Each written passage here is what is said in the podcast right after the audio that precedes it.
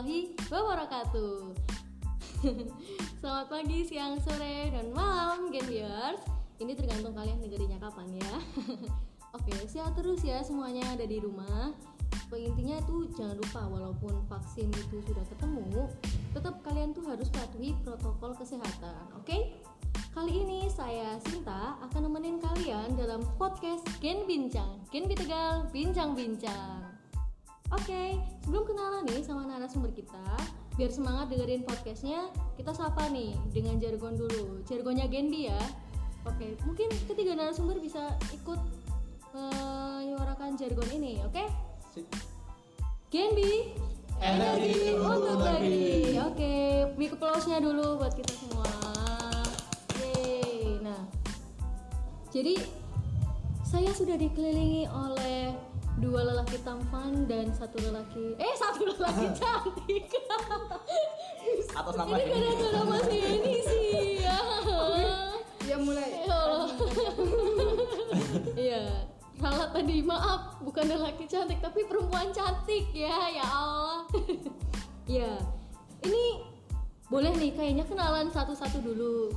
Dari yang mana dulu nih terserah. Mau yang cantik dulu biasanya ladies first ladies first ya iya dong. Ladies first ya oke mbak Sania silakan.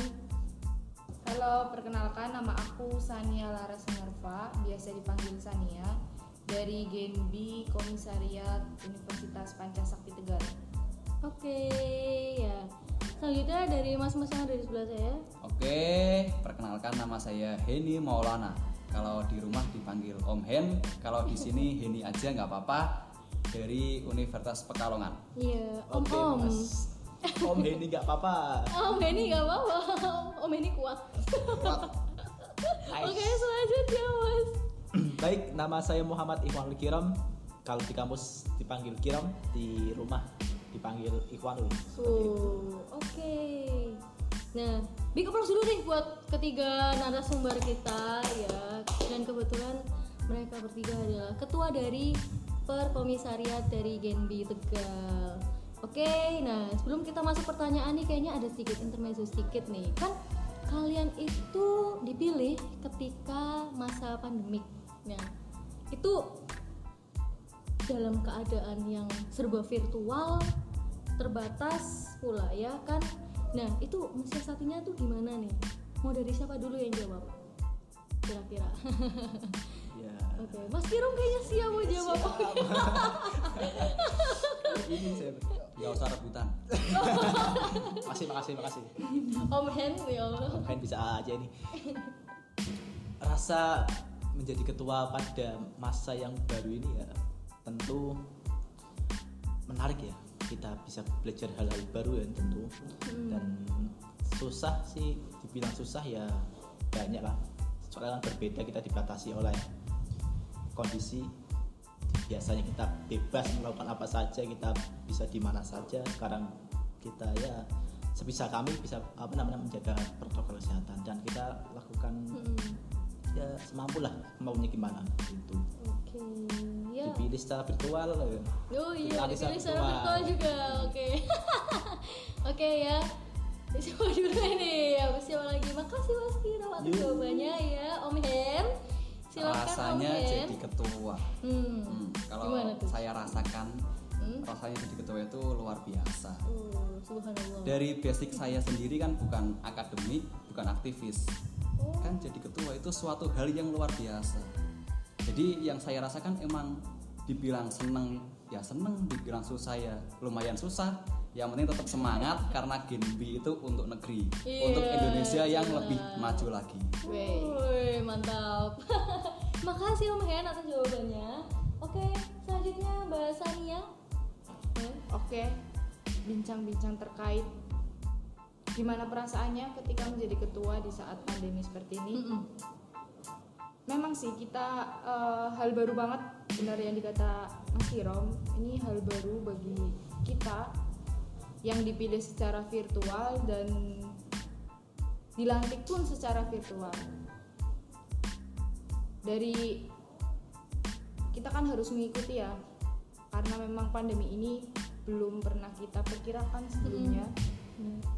Jadi kita berjalan sesuai keadaan yang sekarang melaksanakan kegiatan sesuai dengan protokol kesehatan benar sekali kata Mas Denny dan kita bisa belajar dari keadaan seperti ini gitu ini kan keadaan yang tidak pernah kita pikirkan sebelumnya jadi seorang ketua pasti harus ya kita belajar dari sini ya seorang ketua harus bisa di setiap saat di setiap kondisi seperti itu sih Hmm, harus oke. cepat adaptasi gitu Oh, oh, bener banget. cepat-cepat banget. adaptasi Yes. Nah, tadi sudah sedikit intermezzonya.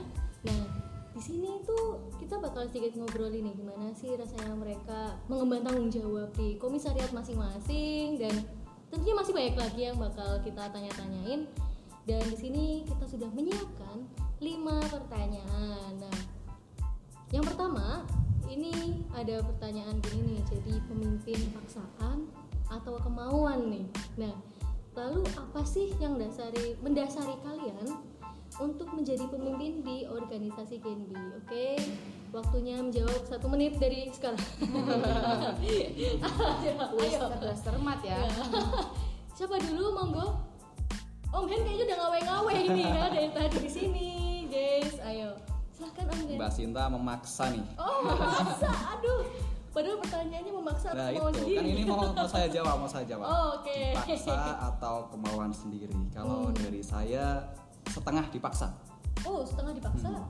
Sedangkan sebelum ada pemilihan itu saya briefing sama teman-teman, eh ujuk-ujuk ditunjuk. Nanti kalau ada pemilihan kamu maju. Hmm. Jadi setengah dipaksa tapi setelah pemilihan kok jadi kan lucu. Rezeki Dari basic saya bukan akademi, bukan aktivis kok jadi ketua. Itu kan suatu hal yang luar biasa. Rezeki nggak ke mana kok mas. Tenang. Dibilang rezeki alhamdulillah, dibilang musibah ya jangan musibah lah. Oh iyalah. Soalnya kan ketua itu beda dari yang lain. Hmm. Hmm, tetap semangat, yang penting tetap semangat. Kenapa kok bisa jadi ketua? Itu waktu pemilihan kan ada lima calon, ceritanya ada lima calon. Yang keempat itu hebat semua. Saya sayanya aja yang biasa-biasa, tapi kok bisa jadi dari 50 anak itu yang saya kenal di 50 cuma 10% dari 50-nya. 15 Bisa lah aja jangan 10. biasa-biasa itu luar biasa Lah, loh mas. Oh. Kuncinya apa? Ikhlas. Pemalang ya Pemalang. pemalang Oh kelas iya, oh iya benar. Oh iya benar. padahal jambatan lagi Ayo mas pindah ke Pemalang ayo. Ah, janganlah. Oh jangan. Batang as. Eh, mantap mantap.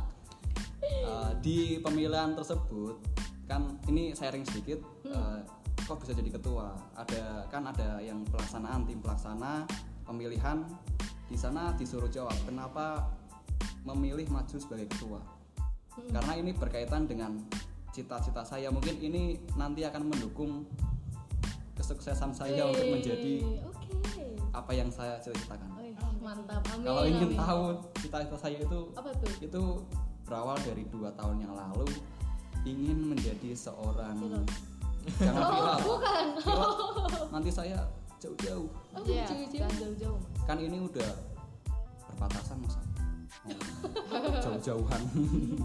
Eh, cita-citanya ingin menjadi seorang kepala rumah tangga. ah teman saya Ketebak sama sih kata dum cewek eh. Ya udah naik naik naik kepala Oh, kepala iya. desa lah bukan Oh, kepala iya, rumah tangga. kan jadi dua kepala kepala desa sama kepala rumah tangga yang kepala rumah tangga nanti calonnya menyusul yang kepala desa nanti 2024 2024 akan menyalonkan Oke, diri ya Rencana. amin, amin. Doakan lah. Iya. siapa yang minat Ketemu Om Hen ya, nanti Instagramnya saya kasih di bawah. Oke, ya. Selanjutnya dari Mbak Sania dulu deh. Mbak Sania, halo gimana nih? Jadi pemimpin sebuah keterpaksaan atau kemauan sendiri nih, Bu? mungkin sama sih ya kata eh, seperti Mas Heni Hmm. sedikit terpaksa karena memang saat wawancara saat wawancara masuk menjadi Gendi pernah ditanya ketika aku bisa masuk lagi di Gendi UPS aku ingin jadi apa di Gendi UPS Eh, posisinya Kadifka atau pengurus harian kah? Dan saat itu memang aku sendiri menjawab pengurus harian. Tapi di luar ekspektasi aku menjadi ketua ternyata. Nah di gambaranku nih PH kan nggak harus jadi ketua ya. Bisa jadi bendahara bisa Hmm. jadi sekretaris. Jadi ketua ini merupakan eh, yang lebih tinggi lah dari impian aku gitu. Jadi ya bersyukur tapi juga kaget karena saat itu pemilu ya pemilu untuk Genbi UPS 2020 itu di ketuai ketua panitianya itu aku aku sendiri yang jadi ketua Oh. Nah, karena terkait dengan kandidat dan lain sebagainya itu yang mengurus adalah pengurus harian tahun sebelumnya. Jadi Hmm. aku memang tidak ikut campur dengan kandidat-kandidat ini. Tapi suatu ketika ketika aku meminta eh, nama-nama kandidat tiba-tiba muncul nama aku gitu. Hmm, Nah, berarti pas dapat loh kok ada aku? Ya kok ada aku gitu kan. Nah padahal di luar ekspektasi aku karena aku eh, aku yakin teman-teman aku juga lebih hebat daripada aku kan. Nah sempat ada negosiasi antara aku dengan pengurus harian lama. Dan ternyata jadi eh, kandidat itu dipilih berdasarkan eh, rekomendasi dari pengurus harian lama. Mungkin ada beberapa poin plus yang mereka lihat dari diri aku. Jadi aku bisa masuk menjadi kandidat Gen UPS gitu tahun 2020 dan pikiranku masih positif nih karena kita harus berpikir selalu berpikir positif ya. Pikiranku karena kadif it, eh, is- apa ya kandidat maksud aku kandidat kandidat itu kan nggak mesti jadi ketua ya masih kandidat jadi masih calon lah istilahnya. Jadi akhirnya aku mau menjadi kandidat Gen UPS tapi yang bikin shocknya itu ketika pemilu hasilnya itu keputusan yang menjadi ketua itu aku.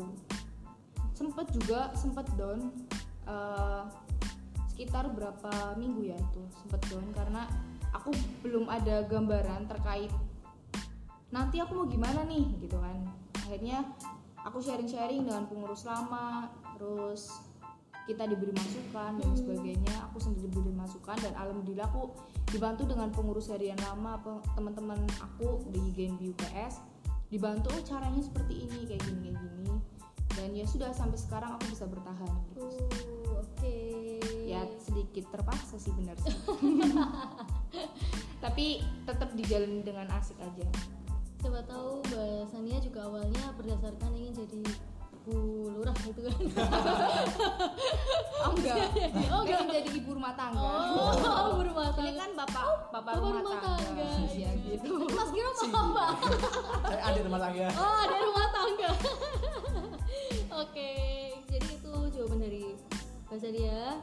Ya, terima kasih Mbak Sania. Selanjutnya kita geser ke Mas Kirom. Oke, gimana nih? Terakhir Mas ini Kirom? bagian Kesimpulan. closing statement. Oke. Dipaksa atau tidak? hmm.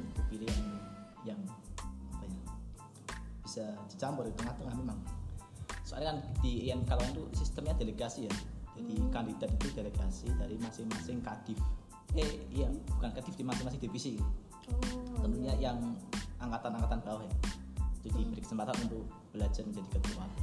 Nah dilalah ketika waktu itu saya dari divisi kesehat apa namanya kesmas itu yang dicalonkan itu saya. Yang satu nggak mau soalnya. Dikorbankan kayaknya. kamu aja kamu padahal saya udah punya untuk menghindar ya. Soalnya kan jabatan ketua itu jabatan yang tinggi ya menurut saya Mm-mm. yang punya tanggung jawab yang besar udah oh mungkin saya dengan jadi ketua apa namanya ketua panitia pemilihan bisa lah untuk menghindar jadi Oh itu iya. tapi ternyata tidak Oh, boleh tidak boleh sama teman-teman Apakah teman-teman ini adalah kutukan ketua Tapi bukan pelaksana sesuai. pemilu? Oh, bukan. berhubung tidak dibolehkan menjadi ketua apa namanya pemilihan itu? Karena kan kalau di kalau ketika menjadi ketua itu tidak boleh man tidak boleh jadi calon. Oh iya. sempat ter, terpikirkan seperti itu tapi tidak boleh. Oke lah. Dipaksa jadi bisa. Kan mungkin itu yang di apa namanya para senior senior kami untuk menciptakan penerus penerus pemimpin. Kan Hmm. yang dipaksa kamu pasti bisa. kan kuat Iya, gitu. kuat ya. Yo, yo. Ayo, ayo. Walaupun Yuk bisa ya. Yuk bisa ya. Padahal ya, umat bos tapi asik loh Mantap, mantap. asik ketika memimpin di anak-anak Genbi itu Mm-hmm. asik soalnya kan itu terdiri dari beberapa mahasiswa-mahasiswa pilihan yang tentunya secara akademis itu lebih tinggi ya tidak perlu didahulukan akademisnya Mm-mm. terusan kreatif-kreatif dan inovatif-inovatif ya jadi kita tidak dibuat pikiran itu lebih luas itu mbak Mm. ketika memimpin seperti itu ya enak lah dibuat enak ya mas ini yang sebenarnya semangat Bikin ya. santai Sering gitu, yang penting ikhlas ya. Semangat ikhlas pemalang. ya anak pemalang ya. Selamat mendengar ini. podcast Malang ini Semua ikhlas. Oke. Oke. Kita beralih ke pertanyaan kedua. Ada ini apa yang sudah dilakukan nih selama periode yang kalian jalanin ini? Oke, siapa dulu? Jawab. Siapa dulu yang mau jawab nih? ladies ah Oh, ladies ah. Aku, Ladies. kamu bukan ladies om. Oh, bukan ya. Om bukan ladies. Oke, berarti Mbak Sania dulu nih. Oke. Oke, monggo Mbak San. Saya merasa diistimewakan ya. di. Subhanallah. Ya. begitulah perempuan Ayo. Jadi bicara apa yang sudah dilakukan selama periode aku, karena ini kan eh, kepengurusan yang dimulai pada saat pandemi ya. Sampai sekarang pun masih pandemi. Jadi eh, hal baru juga buat kepengurusan yang ini karena setiap kegiatan harus dibatasin karena eh, harus sesuai dengan protokol kesehatan. Jadi ya yang sudah kita lakukan sesuai dengan eh, kegiatan-kegiatan yang direncanakan sebelum ini ya. Jadi kalau hampir sama sih ini. Eh, karena dari UPS juga dapat sharing-sharing dari IAIN yang ibaratnya senior kita gitu.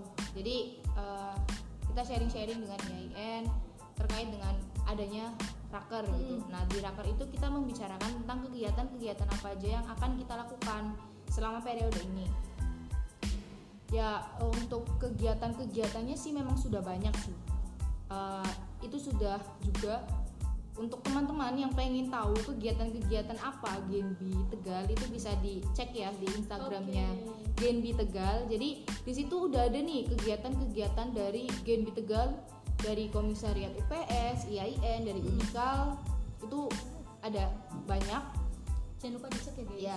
Dan jangan jangan lupa juga di follow ya. Oh iya dong. Nah. follow. Kegiatan itu ya masing-masing divisi ya. Kalau di UPS itu memang ada divisi humas, divisi Krenova atau kreativitas dan inovasi, kewirausahaan, divisi sosial dan divisi edukasi. Jadi eh, seperti eh, kegiatan-kegiatan yang memang diharuskan untuk tetap menjaga protokol kesehatan. Contohnya ketika melaksanakan kegiatan dari divisi edukasi yaitu mengajar ya Hmm.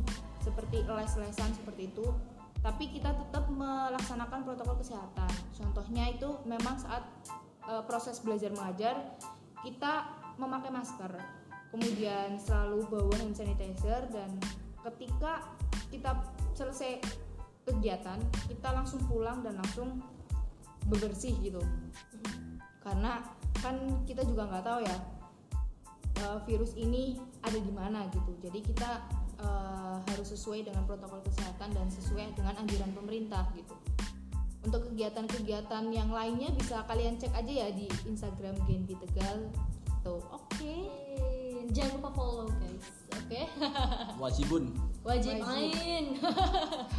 Oke, selanjutnya siapa nih? Mas Kiro atau Mas Denny dulu nih? Biasa eh, kok Support. masih Om? Ayo, kamsud dulu, kamsud. ya ya, Mas Denny deh, Mas Denny dulu, Mas Denny. Ayo. mungkin untuk menjawab pertanyaan tersebut karena ini unikal masih baru jadi yang dilakukan memperkenalkan apa itu Genbi. Karena kan otaknya masih baru itu belum keracunan yang namanya Genbi. Walaupun hal positif tapi kita harus memperkenalkan. Kalau kata Leonardo da Vinci itu tak kenal maka tak sayang. Jadi kita harus kenal dulu apa yang namanya Gen B terus nanti setelah kita kenal kita lakukan apa pun itu baik dari program-program kerja kita akan melakukan dengan suka hati. Jadi enak. Hmm jadi setelah kita sayang itu Ikhlas. apa pun enak. Ikhlas. Legowo. Legowo. Malang ya? Pemalang. Jadi tetap harus kita kenal apa itu Gen B dulu. Jadi harus sayang lah Oh, apa yang namanya Gen B. Wala- walaupun masa terpanggil mas tapi ini ya. Aduh. Takutnya aduh. Walaupun masalah percintaan saya itu remedi tapi saya akan menebarkan virus-virus cinta. Wah mantap. Denganmu ya. Denganmu wah dia cinta. aduh berat bro. Oke oke. Ya ini selanjutnya dari Mas Kirom. Gimana Mas Kirom? untuk yang sudah kami capai selama enam bulan ya. Lumayan apa ya lumayan banyak juga sih ya. Hmm. Alhamdulillah berhubung kita covid juga ya sebisa kami kita lakukan program program-program yang eh, baik lah. Seperti kita menerapkan apa namanya kita melakukan mengajar mengaji mengabdi dan juga kita yang baru itu ada meneliti kita lakukan pembuatan jurnal. Jadi teman-teman Genbi selain kita asah untuk menjadi para penerus bangsa sebagai pemimpin bangsa ya, kita juga bekali teman-teman untuk dia skripsi ataupun ke depan buat karya karya ilmiah. Dan juga nanti ke depan juga kita ada pelatihan-pelatihan untuk menunjang dia nanti pasca kuliah ya seperti sekarang kan eranya era digital eranya harus kita bisa desain desain grafis gitu ya. Nah itu kita juga insya Allah pada waktu dekat ini juga kita adakan pelatihan desain grafis juga. Dan serta untuk menunjang apa bahasa Inggris kita juga melakukan istilahnya apa ya English English class? ah seperti itu Oh. kita laksanakan ya sebisa apa namanya dengan virtual ataupun yang offline tapi dengan protokol kesehatan seperti itu Hmm, jadi walaupun pandemi ya kita tetap melakukan yang kita bisa gitu hmm. Mantap sih. produktif Wah, Seperti tetap itulah. produktif di tengah pandemi, pandemi. Oke, oke. seminar Seminar ya. 4.0. Oke. Ada pertanyaan ketiga yaitu apa sih keluhan atau keluh kesah nih jadi seorang pemimpin? Tuh. Pasti kan punya tuh Iya, eh, lah, apa ya kira-kira dari siapa dulu? Mas Kirom deh. Oke. Lah, baik Udah baik. Mas baik. Dulu nih. Kalau kesah yang kita alami ya tentu kedekatan emosional dengan teman-teman pengurus itu Mm. agak kurang ya. Biasanya kita untuk membangun kedekatan emosional dengan kita melakukan kumpul-kumpul, ngopi bersama dan sebagainya gitu. Di era sekarang itu agak berkurang terus kan. Kita gunakan semisal kita gunakan online di Zoom ya di sambi ngapain lah gitu. Jadi agak agak kurang. Itu sih yang paling kita apa namanya paling jadi kendala kami. Tapi ya kita manfaatkan grup grup WA itu kita jadikan ajang untuk mempererat silaturahmi. Jadi misal kita adakan apa ya ya kita guyon-guyon bersama di situ perang stiker dan sebagainya lah. Untuk ya itu untuk stikernya kita- banyak. iya. Jadi ada pelatihan stiker. Oh, ada pelatihan stiker juga. Iya, ya ampun. guna untuk ya menjalin apa emosional dengan teman-teman. Jadi tidak marah ketika aibnya di apa dijadikan stiker kan. Dikeluarkan mengerti ya. Sama-sama mengerti ya. Jadi ya alhamdulillah dengan di situ saya merasakan ketika mengadakan acara gitu ya teman-teman juga semangat. Hmm. Selain itu juga apa ya eh, dana juga ya menjadi ya kendala dana juga menjadi kendala dan ya situasi itu terutama tapi ya kita siasati dengan plan-plan yang lain lah untuk menghadapi covid 19 ini Oke, iya, itu dari Mas Kirum ya. Jadi kalau dari Mas Heni gimana dari Mas Heni? Hmm, kalau Sebagai yang bontot nih. oke lah kalau keluh kesah itu pasti ada Hmm. jadi mungkin keluh kesahnya itu saya tidak menjadi diri sendiri saya kan orangnya bebas tapi nggak sopan Hmm. kalau di sini saya disuruh untuk berpikir serta menerima beban Hmm. ya mungkin kalau bebannya beban hidup bisa dijalani Ya, lah yang penting jangan beban keluarga Hmm. ya yang penting ikhlas Oh, Kemalan. mas. auto pindah kakak rek. pertama yang saya turunkan itu ego jadi jadi ketua itu harus ngalah Hmm. karena ketua itu rela berkorban demi kepentingan orang banyak Hmm, turunkanlah egomu janganlah naik naikkanlah ego ngapain ego dinaik naikin Naik naik puncak gunung itu. tinggi tinggi sekali Iya iya. jadi lakukan sesantai mungkin terima apa pun kritikan dari semua orang turunkan egomu jangan biarkan ego merusak keindahanmu hari ini. Iya. Mantap. ya jadi Catat. bisa dicatat quotesnya ya nanti bisa jadi judul ini bawah yang bawah tulis dari Om Ben. Om Ben. Singkat padat jelas Om Ben. Mungkin itu satu aja kalau kesannya. Kalau yang lainnya mungkin disambut disambut hari lain sambut dari apa? Hari lain lah. Ini kan udah tahun baru mungkin tahun depan. Oh. Datang lagi dong. Tahun depan. lagi. Iya iya. Ketemu lagi gitu. Sampai jumpa. Allah. Oke. Mbak Sania gimana? Kalau ke saya menyimpulkan aja nih ya dari dua ketua. Aduh. karena yang aku rasakan sudah disampaikan dengan Mas Heni dan Mas Kirom. Yang pertama eh, karena pandemi ini kan semuanya terbatas ya. hmm. Jadi dari UPS sendiri memang setiap kegiatan itu memang dibatasin. Nah itu yang bikin eh, kedekatan kita pengurus harian ya istilahnya seperti itu pengurus hari- harian dengan anggotanya itu sedikit kurang ya karena kalau dulu itu karena kebetulan aku adalah Genbi UPS 2019 juga.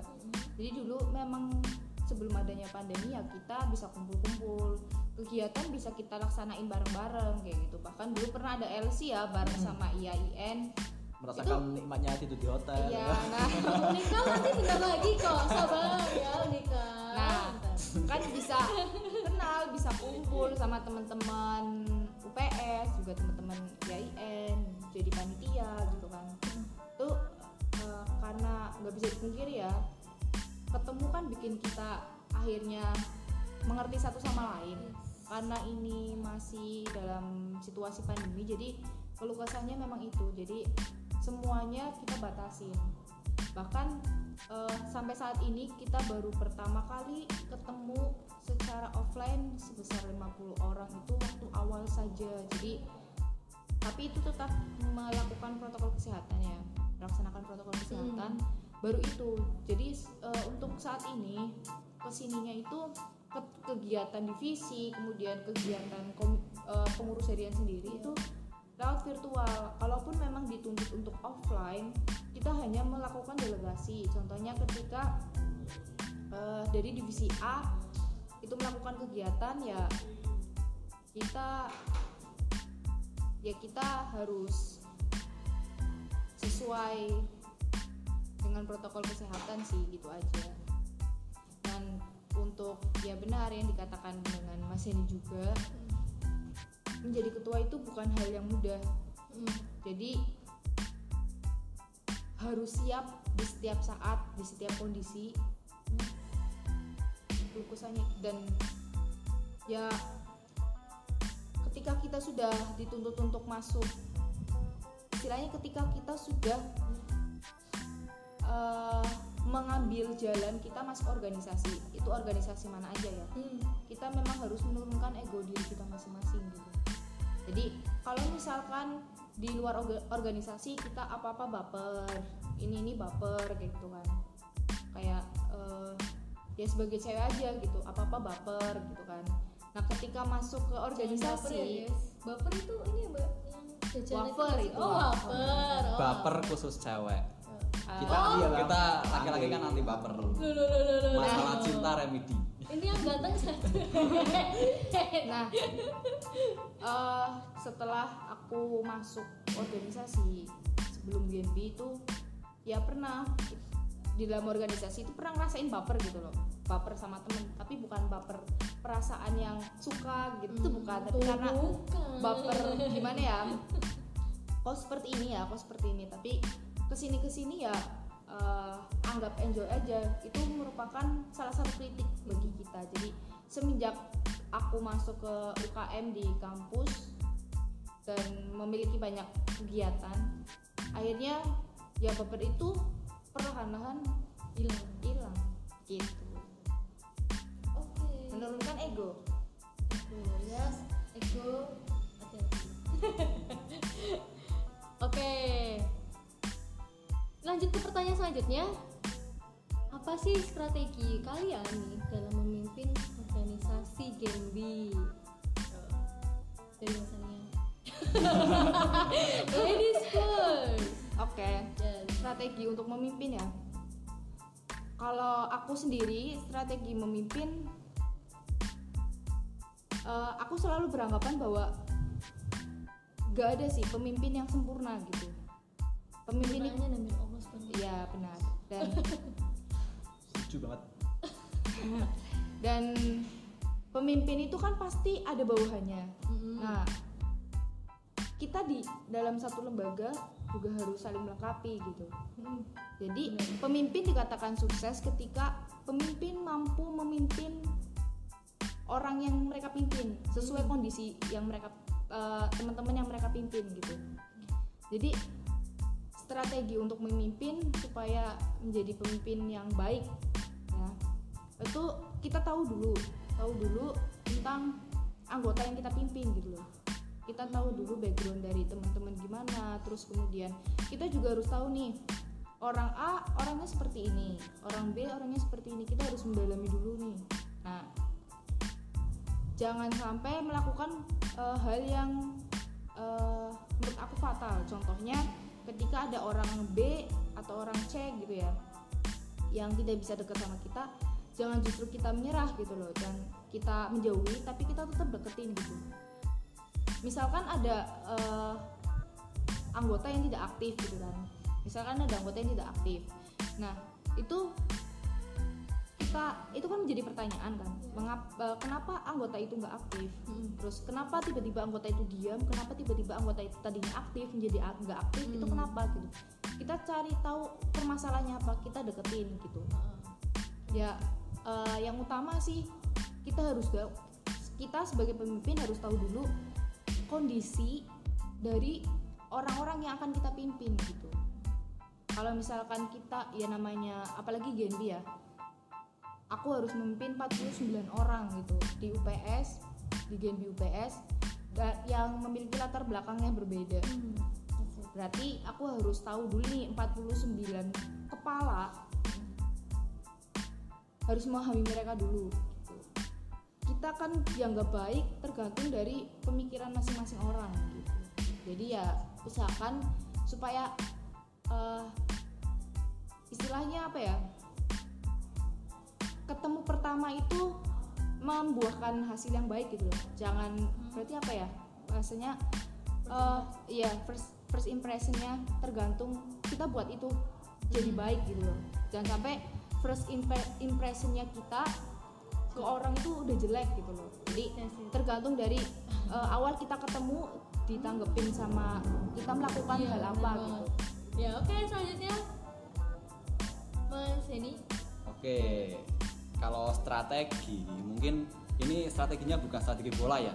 Karena kita kita bukan pelatih, kita adalah sebagai sosok ketua yang membawahi apa yang namanya Genbi. Hmm. Eh, karena Unikal masih baru lagi dan saya di latar belakangnya bukan seorang aktivis maupun akademik, jadi yang saya lakukan itu seolah-olah menjadi motivator untuk mereka semua. Walaupun itu seolah-olah aja. Kalau yang aslinya kan beginilah apa adanya. Jadi ada bukan apanya ada apanya bener Jadi karena kita dibatasi oleh yang namanya COVID, entah itu COVID datangnya dari mana, itu membatasi kita. Yang saya lakukan mungkin keluar-keluar di grup dengan bahasa saya sendiri. Intinya saya harus mengenali mereka karena kita sudah menjadi bagian keluarga dan intinya kita harus menjadikan diri kita sebagai sosok yang membuka diri. Hmm. membuka diri terus humble segala macam. Jadi nantinya misal akan adanya sebuah agenda kita sudah satu frekuensi. Walaupun nanti adanya perbedaan itu adalah perbedaan yang indah. indah dan menjadikan kita untuk lebih baik lagi. Wow seorang Om Henny Om luar Hen. biasa emang motivator. Ya.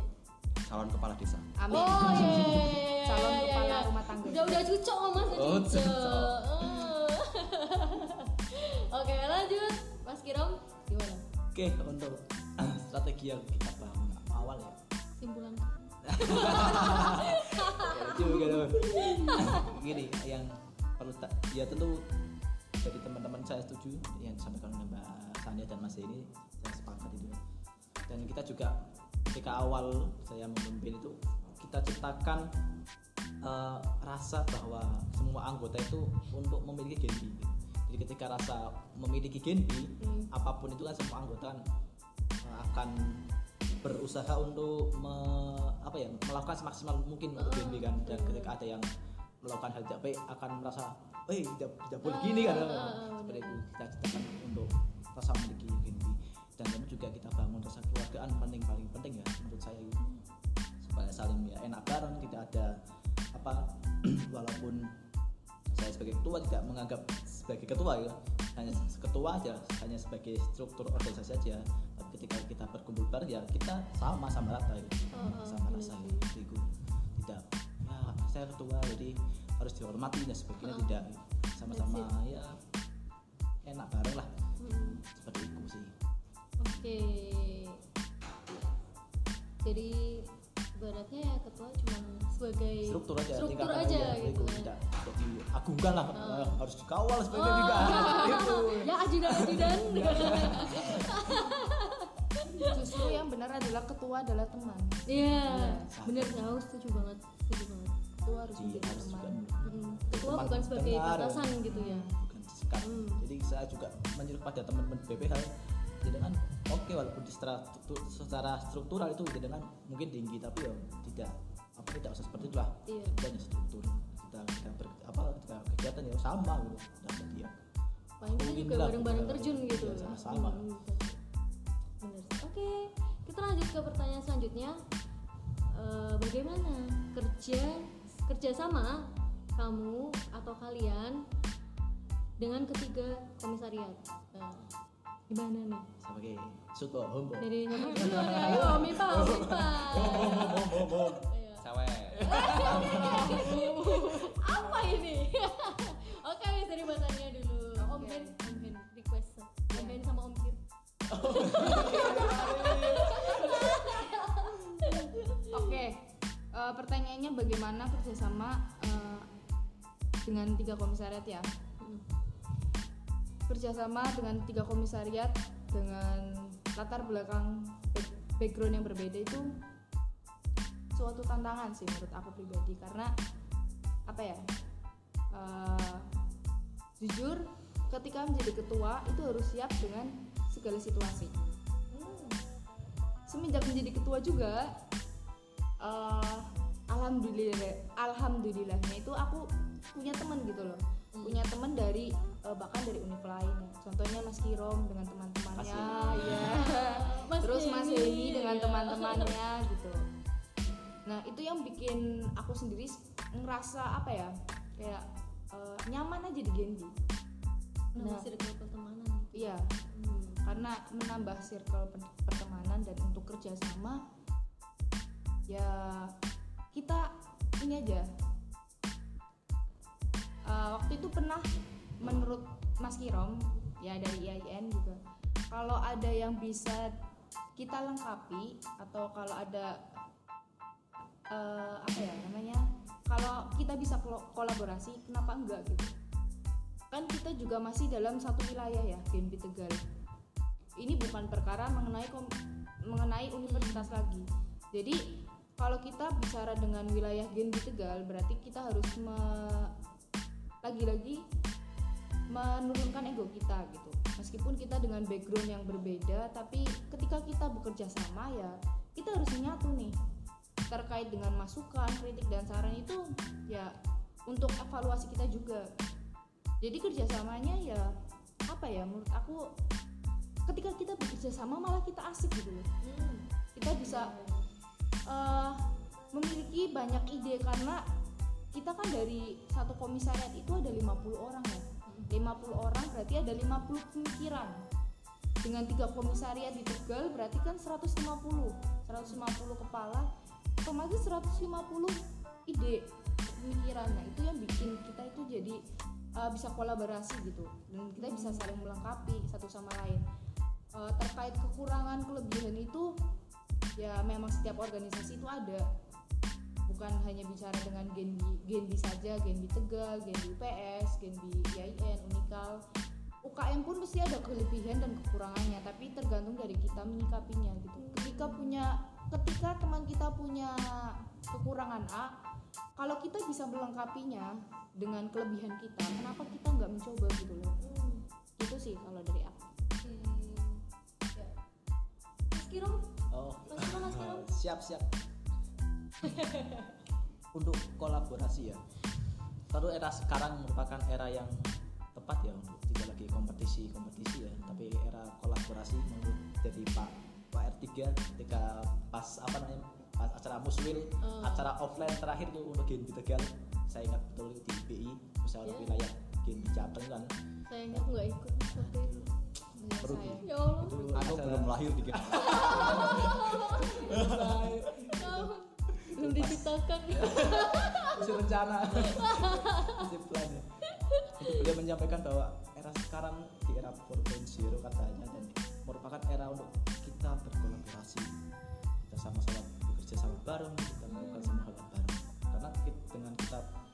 berkolaborasi tentu ide-ide baru akan muncul kan seperti yang tadi bahasanya dengan ketika hanya saklek se- sekomset ya paling idenya cuma itu tapi ketika digabungkan jadi komplek kan jadi menciptakan hal yang baru seperti itu sih. Sekian sih dari saya Hmm, oke. Mas Henny kesimpulan gimana? Kesimpulan. oke kesimpulannya bicara masalah kerjasama Hmm. Eh, kita kan sebagai manusia itu adalah makhluk sosial, makhluk sosial. Kita harus kerjasama itu di mana pun harus. Tapi kalau saya ibaratkan seperti ini tuh ibaratkan sebuah musik. Hmm. Jadi saya kan punya grup nih, ya Oh. sekalian promosi. Oke. Eh, punya grup namanya Sukmoroso Indonesia. ngadu Jadi- iklan tadi ya Oh iya. Tolong nanti siapin ini ya Mas. Ini saya samakan. Jadi Sukmoroso itu terdiri dari tiga unsur. Kan kita tiga komsat. Ini tiga unsur. Ada yang religi, rock, sama Jawa. Pop. Jadi pop popron Oh. pop jadi dari tiga itu setelah kita menjalin kerjasama ter- terciptalah sebuah eh, apa ya namanya sebuah ide gagasan yang luar biasa. Sebuah seni. Kalau Sukmoroso kan seni kalau di sini kan ini ibaratkan sebuah karya. Jadi kita sebagai seorang genbis katanya generasi baru Indonesia kita harus menciptakan sebuah karya sehingga untuk menciptakan Indonesia maju itu lebih cepat dari perkiraan presiden sekarang ini karena kan saya sendiri ini jadi kepala desa harus berpikiran maju Ini bentar lagi bakal jadi presiden ini. amin kita doakan ya teman-teman Cita-citanya nambah. Gak apa-apa Mas. Cita-cita itu harus tinggi langit. Bener nggak? ketika jatuh maka akan jatuh dari bintang-bintang ya Ya ampun. Soekarno Hatta. Oh iya iya iya iya. dan itu juga disampaikan oleh Pak Taufik ketika apa saya mendapatkan kesempatan untuk bertemu beliau kan Eh. pas ketika itu beliau bercerita bahwa ya kita harus bermimpi setinggi mungkin lah ketika jatuh ya paling jatuh di awan-awan mentok-mentoknya di genteng lah jadi tidak sampai bawah gitu kan Iya. Misal kita mimpi coba di genteng ya otomatis tanah langsung jatuhnya itu sakit nanti iya harus tinggi langit dan apalagi kita juga menjadi pemimpin kan pemimpin itu harus punya mimpi pemimpin, kan. Pemimpin. ketika tidak ada mimpi ya Oke. tidak jadi pemimpin kan bener bener bener. bener. pen ya Pe- pen pasti mungkin Iya, Gitu. sih. tidak hanya mimpi tapi kan juga harus kita karena anggota itu yang dibutuhkan adalah buktinya kerja Ah. mantap itulah kerjasama jadi kita misal emang kita harus menurunkan ego jadi Ya. kalau saya sendiri kerjasama ada tiga Hmm. misal kalau saya nggak bisa tenaga Oke. saya pikiran atau uang uang eh cuma tiga itu misal saya nggak punya uang tapi Iya. saya bisa berpikir salurkanlah pikiranmu Hmm. kalau nggak bisa tenaga ya di antara ini tiga tersebut. Jadi kita kan ada tiga komisariat saya ibaratkan tiga saja. Kalau ada 10 saya bingung mau milih 10 ke mana saja. Jadi cukup tiga. Oke. Berikan apa yang kita mampu ya mas. Iya iya. dong. kalau kita nggak ada semua kita ada adakan lah. Belajar. Pasti lah ya. Pasti ada lah, tentu. pasti ada. Walaupun itu sebatas mimpi pasti ada. Oh, walaupun itu mimpi, aja Mimpi. mas. Oke ya. Ini saya lihat-lihat kayaknya udah nggak ada lagi mas pertanyaannya. Mas mbak ya. Hmm. bisa via WA nanti pertanyaan. Via WA nanti bisa di Di WA ya. 081 ya. Eh, 0858 yang lain kapan-kapan ya alhamdulillah nih pertanyaan-pertanyaan ini udah kejawab nih sama ketiga ketua komisariat dari masing-masing. Mungkin gitu ya. Oke nah ini singkat aja nih singkat aja. Untuk terakhir nih penutup closing ya. Boleh nih untuk ketiga ketua komsat ini ngasih semangat buat para anggota Genbi yang lagi dengerin di rumah sama buat calon-calon anggota Genbi yang baru karena kan kita bentar lagi bakal regenerasi kan ya betul pasti ada Kita pembukaan ya, beralih ke posisi gitu. ya. nah jadi ketua jadi KPW kan mungkin Iya. ah, amin ya Amin, amin. amin. minimal Ya. GPI lah saya Ya, bukan dengan ayah ya jadi singkat aja deh kayak ngasih semangat buat teman-teman anggota Genbi yang sekarang atau yang mungkin nanti mau melanjutkan lagi sama untuk calon anggota Genbi yang masih baru-baru banget gitu. Oke kan karena masih baru juga kan ya mereka gitu. Silakan dari siapa? Yo langsung lihat tangan ya.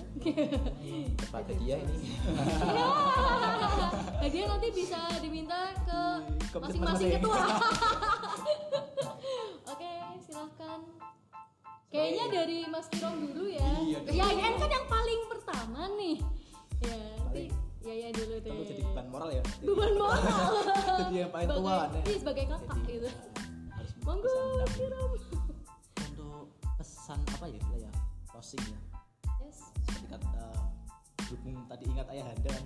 Pas LC kan? Oh eh, iya mengingat bener sama. eh, ayah anda mengatakan bahwa kita harus tuju cinta ya. Saya, kalau saya sih satu aja mas. Kita lakukanlah semua dengan cinta kan? Ya mas ini ya iya dong. Tapi jangan tapi jangan gagal karena cinta gitu. Soalnya gini ketika kita semua melakukan dengan cinta apa pun dan bagaimanapun kita akan melakukannya. Hmm, jenengan sudah ketika udah pacaran udah tahu lah. Tahu ketika iya. merasakan cinta apa pun kondisinya kita tidak bisa pungkiri tapi lagi-lagi jangan gagal karena cinta Hmm.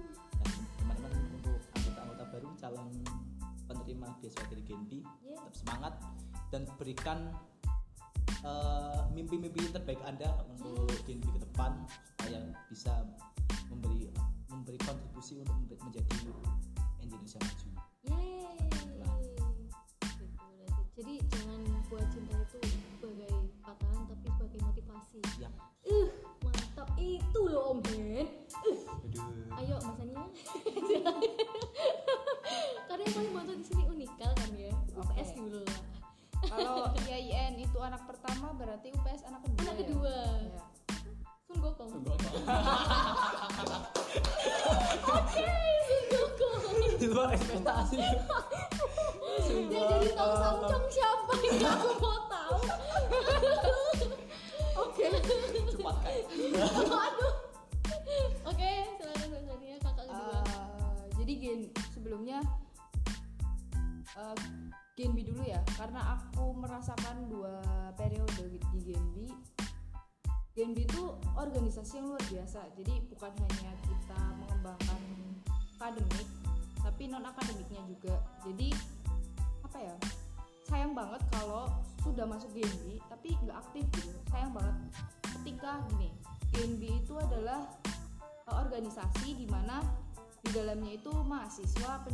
beasiswa Bank Indonesia gitu. Ketika nanti kita lulus gitu, kita ada istilahnya apa ya? Dari orang-orang tuh tahu kita adalah lulusan Genbi gitu kan.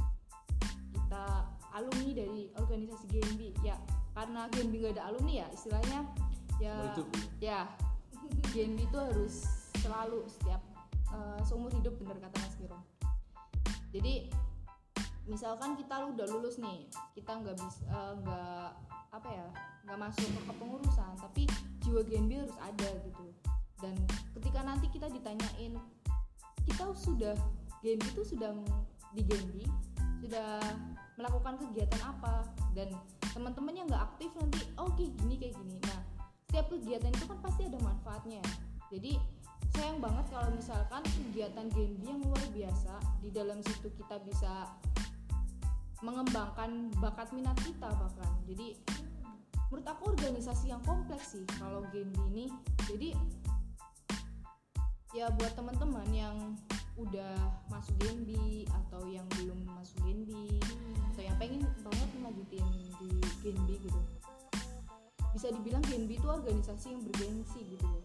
Jadi eh, bukan organisasi yang hanya mengembangkan akademik doang tapi organisasi yang kompleks jadi kalau dilewatkan terus nggak aktif itu eman-eman banget. Aku ngerasain banget ketika sudah masuk Genbi kayak apa ya setiap kegiatan itu ada manfaatnya gitu.